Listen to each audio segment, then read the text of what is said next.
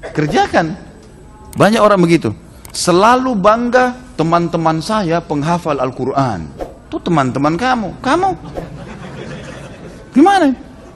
Kan gitu. Itu teman-teman dicatat kok. Bangga dengan orang tuanya. Ayah saya kiai. Itu ayah kamu. Kamu? Gitu. Gimana caranya? Ibu saya itu setiap habis subuh baca Quran. Ya ibu kamu. Kamu baca nggak? Gimana ini? Harusnya begitu. Makanya pepatah bahasa Arab yang bijak mengatakan, "Laisal fata man yakulu kana abi kada wa kada." Bukanlah seorang laki-laki, seorang yang cerdas yang mengatakan dulu ayah saya begini dan begitu. Dia bangga dengan ayahnya. Ayah saya dulu selalu bawa umroh, ayah saya bawa haji, ayah saya bantu orang miskin, ayah saya membantu keluarga. Ayah kamu sudah aman. Aman tuh dicatat sama ada malaikat Allah ditipin, sekretaris nggak dibayar gratis. Catat semuanya, gitu kan? Kamunya buat apa? Lalu pepatah ini mengatakan walakinnal fata man yaqulu ha. Seseorang yang cerdas yang mengatakan ini saya. Dia berkata pada dirinya sendiri ini saya. Apa yang sudah kamu lakukan? Kamu pribadi sudah apa? Contoh yang lain teman-teman. Anda lewat masjid, antum lewat masjid, masjid itu lagi taruh celengan, minta sumbangan. Kita udah sumbang kemarin 100 ribu. Kalau antum lewat, mampir lagi nggak kasih? Hah? Jujur aja, nggak apa-apa. Di majelis salim saatnya salah. Nanti diperbaikin. Biasa, setan bisikin kita, kan sudah bantu kemarin. Benar, baik. Yang kemarin-kemarin sudah dicatat, ada buku amalnya tanggal 17 kemarin sudah tanggal 18. Nah, yang hari ini gimana? Mampir kasih lagi. Kan gitu. Seperti itulah. Jadi posisikan ya, beda orang merendah karena Allah Subhanahu wa taala dan beda orang yang menghinakan dirinya. Ini lain. Tidak boleh kita menghinakan diri. Kasus misalnya contoh merendah dengan merendahkan diri. Contoh yang lain. Ada hadis Nabi SAW begini. Kalau kalian sedang jalan, ini kan hadis riwayat Imam Muslim, hadis sahih. Bertemu dengan orang kafir, maka jalanlah ya, dahulukanlah dirimu. Dahulukan diri di sini. Kita kalau jalan kita bersama orang kafir, jangan kita yang merendah. Jalan biasa saja. Ada orang karena orang, oh, orang bule ini ya, mengalah, merendah, kayak dia terhina. Kenapa akhi? Kenapa? Gara-gara dia bule? Apa ini? Banyak orang begitu tuh. Kalau orang non muslim dilihat punya kelebihan mungkin pakai jas atau apalah merendah, minggir. Ini bukan ini bukan tawadu yang dibolehkan, salah. Ini menghina diri, nggak boleh. Jalan, bahkan ada hadis yang luar biasa, tapi ini hadis sebenarnya tidak boleh ditaruh di tempat umum, tidak bukan di pengajian umum gitu. Karena ini memang takutnya disalahfahami. Tapi saya sampaikan untuk difahamin hukumnya, karena saya akan jelaskan. Kata Nabi SAW, kalau kalian bertemu dengan orang kafir di jalanan, maka sempitkanlah jalan untuknya. Bagaimana maksudnya itu? Sebentar, jangan salah faham makanya. makanya saya bilang ini tidak dijelaskan di tempat umum, tapi karena saya akan paparkan, maka saya jelaskan teman-teman. Maksudnya adalah, jangan kamu yang mengalah. Abu Dujana radhiyallahu anhu pada saat beliau di perang, perang Badar, mengambil pedang dari Nabi SAW, setelah begitu terima pedang dari Nabi SAW, pedang khusus. Dan janjinya syaratnya, dia harus memakai pedang itu sampai bengkok melawan musuh. Gitu kan.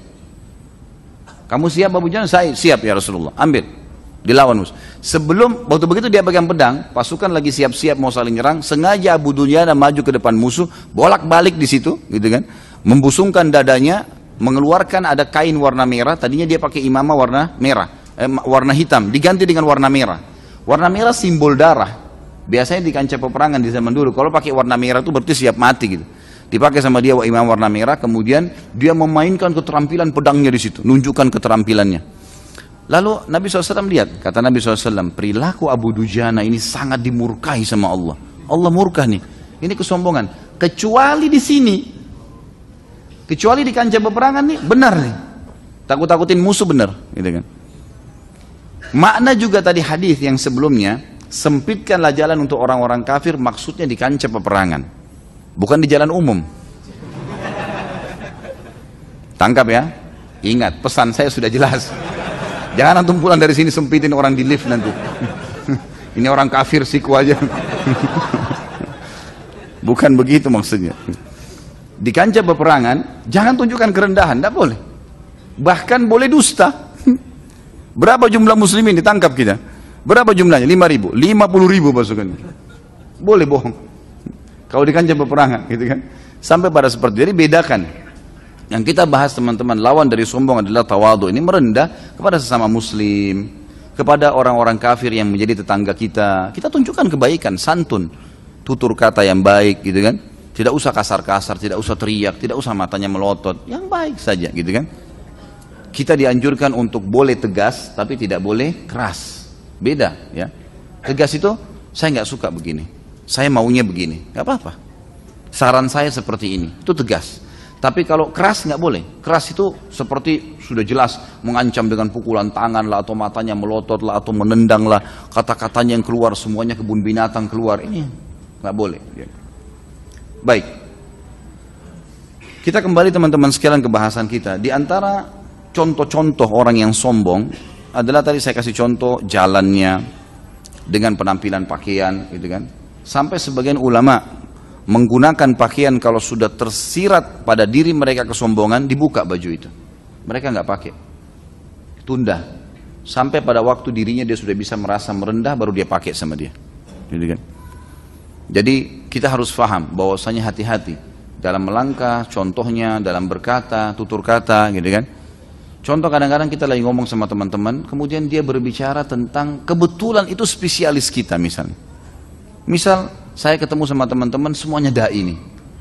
Syaitan akan menunggangi manusia dengan alur fikirnya. Sama dengan kalau antum lagi sholat, kalau yang paling berkecamuk sebelum sholat adalah lapar mau makan, maka yang didatangkan oleh syaitan macam-macam opsi makanan, menu makanan keluar lagi sholat. Gitu kan. Kalau kita lagi transaksi jual beli terputus kena azan, kita pergi, itu kita datangin kalkulator di otak kita untuk ngitung keuntungan berapa banyak tuh. Nanti beli lagi di mana, terus gitu. Kunci hilang diingatkan kunci di mana. Janjian dan seterusnya, macam-macam. Syaitan begitu. Kalau saya bertemu dengan teman-teman dai, maka syaitan bisa masuk ke dalam hati seseorang untuk menggunakan menunggang itu. Misal, Alhamdulillah saya kemarin hadir di pengajian, ada 3000 orang yang hadir misal. Jumlahnya sekian di daerah ini misal. Mungkin pengucap pertama tidak niat apa-apa. Dia cuma maksudkan di sana tuh alhamdulillah misal di daerah sebuah pelosok di kampung di sebuah di, di pelosok Jawa Tengah misalnya saya hadir kemarin Alhamdulillah Masya Allah sampai 3000 orang yang hadir. Niatnya ingin menunjukkan kalau memang di kapasitas di wilayah itu sangat luar biasa kalau sudah 3000 orang. Setan bisa menunggangi teman-teman yang lain menunggangi kata-kata itu. Misal oh saya juga pernah hadir kalau saya sih setiap hari di Jakarta 3000 kata-kata ini tidak dibutuhkan tidak ada urusannya. Gitu kan? nggak ada urusannya.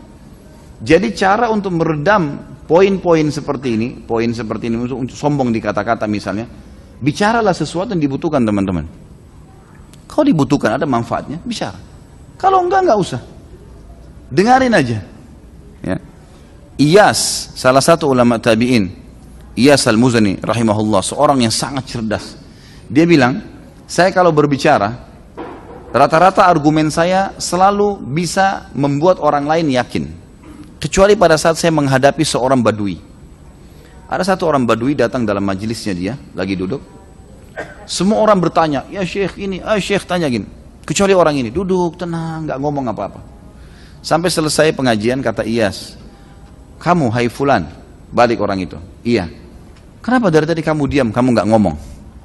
Dia bilang, Allah telah memberikan kepada saya dua kuping dan satu mulut agar saya lebih banyak mendengar daripada ngomong.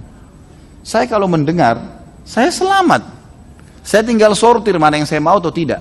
Tapi kapan saya ngomong, susah menarik kata-kata itu. Maka akan ada pertanggungjawabannya.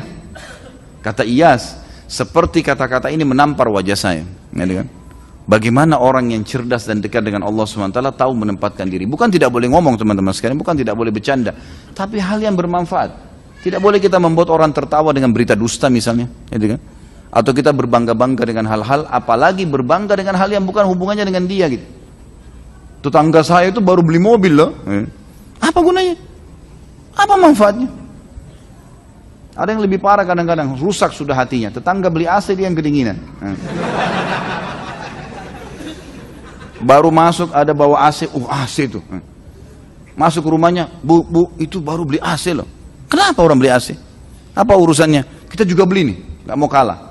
beli juga AC. Tantang-tantangan untuk apa nih? Apa yang didapat gitu? AC masih bagus di rumah, sudahlah, gitu kan. Mati nggak dibawa AC ke liang lahat gitu. Tapi contoh saja, banyaknya orang seperti itu teman-teman. Dalam Islam sangat dilarang sifat sombong. Maka berusahalah untuk mendatangkan temannya, partnernya, lawannya, rivalnya, yaitu merendah. Dan saya sudah jelaskan tadi yang dimaksud adalah tawadu dan bukan menghinakan diri. Kita bacakan dalilnya. Imam Al-Zahabi rahimahullah mengangkat dalil pertama adalah surah Al-Mu'min ayat 27. A'udzu billahi minasyaitonir rajim. Wa qala Musa inni udhtu bi rabbi wa rabbikum min kulli mutakabbirin la yu'minu bi hisab. Pada saat Musa alaihissalam mendakwahi Fir'aun, sudah jelas depan mata Fir'aun, dia salah. Tetap ngotot. Tanda kesombongan memang. Maka Musa alaihissalam berkata, sungguhnya aku berlindung kepada Robku dan Rob kalian dari setiap orang yang menyombongkan diri yang tidak beriman kepada hari hisab. Kata para ulama tafsir, maksudnya Musa alaihissalam adalah semua orang yang sombong hatinya akan kosong dari hari kiamat, tidak berpikir lagi hari kiamat. Dia harus dia dipegang oleh syaitan sehingga dia terus condong dengan urusan dunia saya dan lupa masalah akhirat. Allah tidak senang dengan orang sombong teman-teman sekalian. Pencipta langit dan bumi tidak senang dengan orang sombong. Allah berfirman dalam surah An-Nahl ayat 23. A'udzu billahi minasyaitonir rajim. Innahu la yuhibbul mustakbirin. Allah tidak suka sama orang-orang yang sombong. Kalau pernah hadir waktu kita bahas masalah Zubair bin Awam, Talha bin Ubaidillah, sahabat-sahabat Nabi. Mereka tuh sampai punya banyak budak-budak. Kalau dia beli baju, dibeliin sama baju untuk budak-budaknya. Nggak ada perbedaan. Maka kalau dia jalan sulit dibedakan yang mana Zubair, yang mana Talha, yang mana budak-budak mereka. Saking merendahnya. Bukan berarti kita harus baju pakai baju seragam selamanya. Tapi yang dimaksud adalah bagaimana dia coba merendahkan diri. Kemudian dalam surah Al-Mu'min ayat 56 Allah Subhanahu wa taala juga berfirman, "A'udzu billahi minasyaitonir rajim. Innal ladzina yujadiluna fi ayatillahi bighairi sultanin atahum in fi sudurihim in fi sudurihim illa kibrum ma hum bibalighi fasta'iz billah." Sesungguhnya orang-orang yang memperdebatkan tentang ayat-ayat Allah tanpa alasan yang sampai kepada mereka, Tidaklah di dada mereka, di dalam dada mereka melainkan hanyalah keinginan akan kebesaran yang mereka sekali-kali tidak akan mencapainya. Maka mintalah perlindungan kepada Allah. Ini diberikan contoh dari ayat ini seperti orang dalam majelis ilmu, dia sengaja mau tunjukkan kalau dia hebat. Maka dia selalu bertanya, dia selalu menonjol. Bukan tidak boleh bertanya, bertanya hal yang dibutuhkan. Kalau nggak dibutuhkan hanya untuk menunjukkan kalau anda hebat, tidak ada gunanya sama sekali. Allah menjelaskan dalam ayat ini, dia tidak akan pernah dapatkan kebesaran yang dia inginkan. Yang ada orang cemooh. Ini orang lagi, ini orang lagi gitu kan. Seringkali dibahasakan begitu mungkin karena tidak ada keikhlasan dalam bertanya. Kalau dia perlukan bertanya, pasti Allah SWT akan tunggangi tanda kutip ya. Untuk dia niatnya memang ikhlas maka Allah tunggangi untuk menjadi kebutuhan bagi orang lain. Orang lain merasa oh iya perlu nih ditanya bagus nih gitu. Seperti itulah. Kata Nabi SAW di dalam hadis, hadis ini diriwayatkan Imam Bukhari dalam Kitabul Libas dan Imam Muslim dalam Kitabul Libas juga. Kemudian ada juga perawi-perawi yang lain seperti Nasai dan bisa dilihat kalau punya bukunya di footnote-nya. Kata Nabi SAW, Bainama rajulun yatabakhtaru fi burdaihi idh bihil arda fahuwa yatajaljalu fiha ila yaumil qiyamah. Ketika seorang laki-laki sedang berjalan dengan segala kesombongannya dengan menggunakan kedua mantel barunya, bajunya, Tiba-tiba Allah menenggelamkannya ke dalam bumi maka dia meronta-ronta di dalamnya sampai hari kiamat. Ini tentu kalau kita baca letterlet tidak faham maksudnya. Tapi ulama hadis merincikan, mengatakan ada sebagian sahabat menukil bahwasanya ini terjadi pada Bani Israel. Dulu ada pernah orang sombong, kemudian dia jalan lalu Allah Subhanahu wa taala karena kesombongannya ditenggelamkan ke dalam bumi dan dibiarkan oleh Allah Subhanahu wa taala meronta-ronta, gitu kan? Sampai terjadi hari kiamat baru dicabut ruhnya ya, disiksa oleh Allah Subhanahu wa taala. Ada juga pendapat di antara mereka yang mengatakan ini terjadi pada umat Muhammad SAW dan bisa terjadi pada siapa pun yang seperti itu. Sengaja jalan dengan baju barunya menganggap remeh semuanya orang. Sengaja keluar dengan kendaraannya yang baru lalu keluarnya niatnya bukan karena menikmati mobil baru bukan. Untuk menunjukkan kalau dia hebat bisa membeli mobil sekian harganya. Untuk apa ini semua? Gak perlu. Nikmatin boleh. Tapi menjatuhkan orang lain ini tidak boleh sama sekali. Dan ini penyebabnya bisa ditenggelamkan oleh Allah Subhanahu wa taala ke dalam bumi. Allahu alam bagaimana prosesnya itu? Ini ancaman dari Nabi SAW bagi orang yang sombong. Orang-orang yang sombong teman-teman sekalian pada hari kiamat nanti akan dibangkitkan ya pada hari kiamat dalam kondisi sangat kecil seperti semut saja di tengah orang-orang manusia yang besar. Itu disebutkan di dalam hadis riwayat Tirmidzi dalam kitab Sifatul Qiyamah dan hadis ini ya dijadikan atau disebutkan hasan oleh beliau. Kata Nabi sallallahu alaihi wasallam, "Yuhsyaru yuhsyarul jabbaruna wal mutakabbiruna yaumal qiyamati amsalad dzurri yata'humun nas." Orang-orang yang congkak dan sombong akan dikumpulkan pada hari kiamat bagaikan semut-semut hitam kecil yang akan diinjak-injak oleh manusia. Jadi manusia kayak tidak lihat dia di mahsyar, diinjak-injak, tapi tidak mati. Itu sebagai hukuman sebelum kiamat, sebelum masuk neraka. Ini di mahsyar seperti itu hukumannya. Sebagian ulama salaf berkata dosa paling pertama yang dimaksiati Allah Subhanahu wa taala adalah sombong. Sebagaimana kita tahu kisah tentang iblis surah Al-Baqarah ayat 34. A'udzu billahi minasyaitonir rajim wa idh qulna lil malaikati isjudu li Adam fasajadu illa iblis aba wastakbara wa kana minal kafirin. Dan ingatlah ketika kami berfirman kepada para malaikat sujudlah kalian kepada Adam maka bersujudlah mereka semua kecuali iblis ia enggan dan takabur dan dia terbolong orang-orang yang kafir maka barang siapa yang menyombongkan diri terhadap kebenaran sebagaimana yang dilakukan oleh iblis maka imannya sama sekali tidak berguna baginya ini perkataan Imam Badhabi rahimahullah. Iblis beriman kepada Allah pada saat itu. Tapi karena dia sombong terhadap perintah Allah, nggak mau. Jadi kalau misalnya antum lewat belum sholat, ada orang yang bilang, Pak nggak sholat ya? Oh iya, jazakallah khair sudah diingatkan. Enggak usah bilang, saya juga tahu kok sholat. Untuk apa balas orang baik-baik orang ingatin kok? Kenapa? Ada suami diingatin sama istrinya, Mas belum sholat ya? Oh iya, baik terima kasih, jazakallah khair sudah diingatkan. Kenapa sih? Memang kau kira saya nggak pernah sholat dan dan dan. Jadi untuk apa dibalas dengan kesombongan? Itu kurang lebih contoh-contohnya orang yang mengikuti iblis, gitu kan? Jadi kebaikan-kebaikan sebenarnya diingatkan ditunggangi dengan kesombongan. Ini tidak boleh. Nabi SAW mengingatkan kepada kita, contoh tadi yang saya sebutkan itu, hadis diriwayatkan oleh Imam Tirmidzi dalam kitab Bir Wassilah eh, dan hadis ini disebutkan dengan sanad sahih. Ya. Kata Nabi SAW, Al-kibru safahul haqqi wa gamsun nas. Riwayat lain dikatakan, Al-kibru batarul haqqi wa gamsun nas.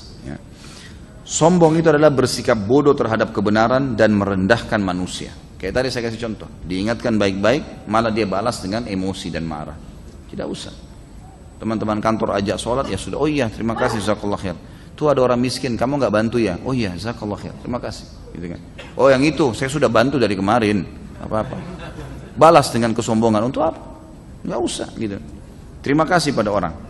Surah Luqman ayat 18. Bunyinya a'udzubillahi minasyaitonirrajim.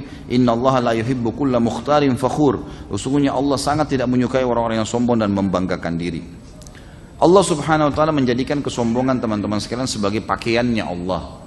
Artinya Allah Subhanahu wa taala memang satu-satunya yang berhak untuk sombong. Sifatnya Allah mutakabbir, al-mutakabbir. Itu artinya zat yang maha sombong. Wajar Allah SWT sebagai pencipta. Makanya dalam hadis Qudsi, hadis Qudsi riwayat Imam Muslim, kata Nabi SAW, Yaqulullahu ta'ala, Al-azamu izari wal kibriyau ridai, faman naza'ani fihima alqaituhu finnar.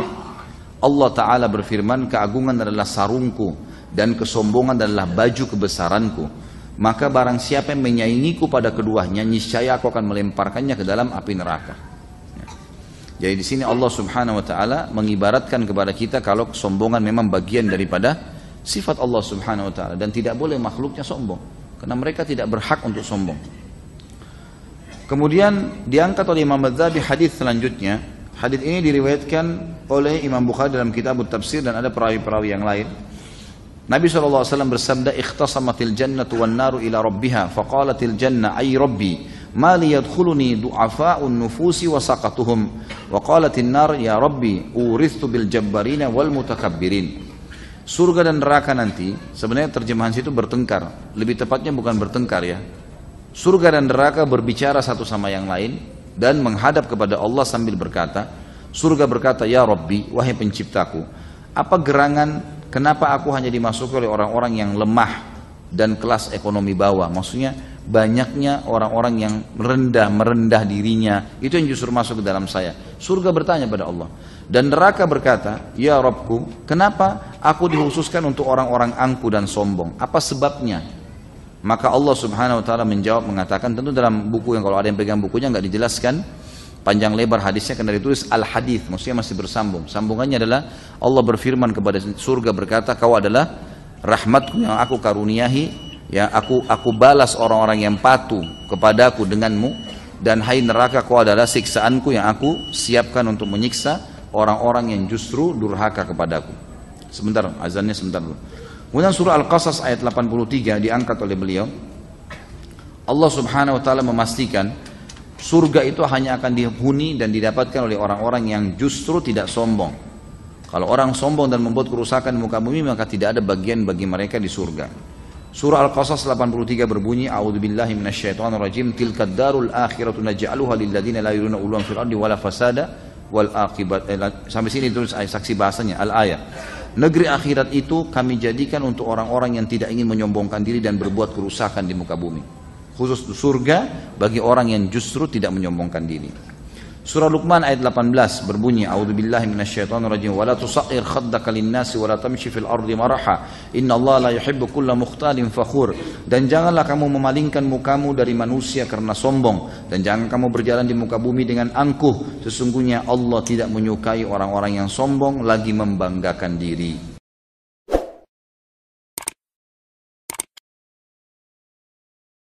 Assalamualaikum untuk pemesanan paket umroh murah bisa menghubungi 0821